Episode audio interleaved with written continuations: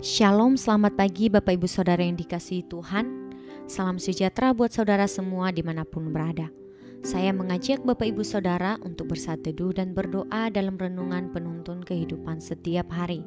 Kiranya damai sejahtera dan sukacita oleh roh kudus senantiasa melimpah dalam hati dan kehidupan kita semua.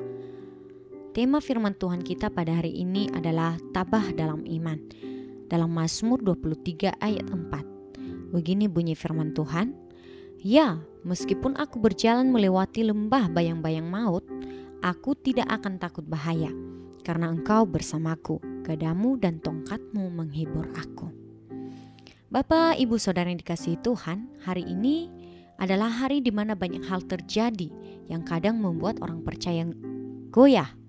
Namun dalam ayat bacaan kita pagi hari ini mengandung makna besar bagi setiap orang percaya, di mana dalam ayat ini Tuhan Yesus menggambarkan dirinya sebagai gembala yang setia dan penuh perhatian dan menjaga kita dengan sempurna. Tuhan Yesuslah yang akan memimpin hidup kita. Dia adalah seorang gembala yang baik. Dia yang akan mengiringi kehidupan kita, menjaga, melindungi, dan menyediakan segala kebutuhan kita.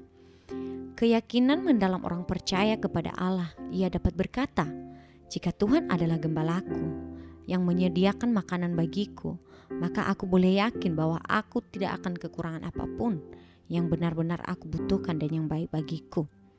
Saudara yang dikasihi Tuhan, doa kita tidak selalu dijawab ya, dan mungkin kita berharap pada saat itu pula kita terima. Tidak, saudara, sebab Tuhan ingin melihat seberapa jauh kita akan bersabar dan tidak akan pernah berhenti mencari Tuhan dan meminta kepadanya apa yang kita butuhkan. Kehidupan kita tidak berjalan dengan mulus dan baik-baik saja. Kehidupan kita pasti pernah mengalami dan merasakan masa-masa sulit, melewati badai dan berbagai persoalan hidup. Kita serasa berada dalam lembah kekelaman. Lembah kekelaman ini berupa masalah berat dalam rumah tangga, masalah keuangan kita yang sedang menipis, usaha kita bangkrut, tekanan, penderitaan, dan mungkin banyak pergumulan berat lainnya. Akan tetapi ketika malapetaka itu datang, apakah kita harus mengeluh? Apakah kita harus menyerah begitu saja? Saudara, bukankah itu justru yang membuat kita bangkit dari keterpurukan kita? Sebab jika kita adalah orang Kristen yang mengandalkan Tuhan, maka pada saat-saat itulah kita mengharapkan Allah akan segera memulai segalanya dalam hidup kita. Sebagai orang percaya, kita tidak perlu takut dan khawatir sebab Tuhan adalah gembala kita. Dia tidak pernah meninggalkan kita. Allah akan memberikan kita iman yang tabah, bertekun dan semakin bertumbuh di dalam Dia. Sebab Tuhan kita akan melakukan berbagai cara untuk menyelamatkan kita dalam bahaya. Dalam Mazmur Daud ini menyebutkan ada dua benda yang selalu dibawa oleh gembala, yaitu gada dan tongkat. Kehadiran sang gembala dengan gada dan tongkat yang dibawanya akan menjadi jaminan perlindungan bagi domba-dombanya. Gada yang digunakan seorang gemala merupakan senjata ampuh untuk melawan binatang buas yang hendak memangsa domba-dombanya. Gada ini adalah sebagai jaminan perlindungan dan pembelaan Tuhan daripada musuh-musuh kita. Terkadang Tuhan harus menggunakan tongkat untuk menegur dan mendidik kita dengan mengizinkan kita melewati lembah kekelaman bahkan bayang-bayang maut.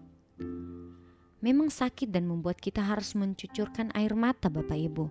Tetapi kepada barang siapa yang percaya dalam namanya akan mencapai tujuan surgawi yaitu kehidupan kekal di mana kebinasaan sudah dikalahkan dan dibenangkan oleh kuasa darah Tuhan Yesus di atas kayu salib.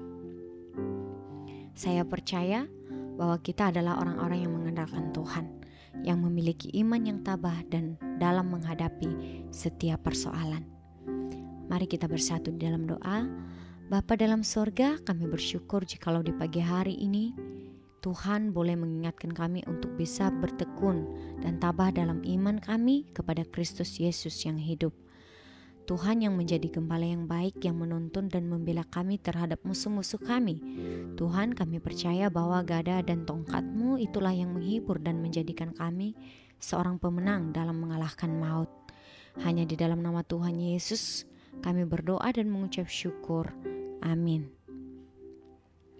Kiranya berkat yang sempurna dari Allah Bapa kita, kasih karunia dari Tuhan Yesus Kristus dan persekutuan yang indah dengan Roh Kudus menyertai kita semua dari sekarang ini dan sampai selama-lamanya.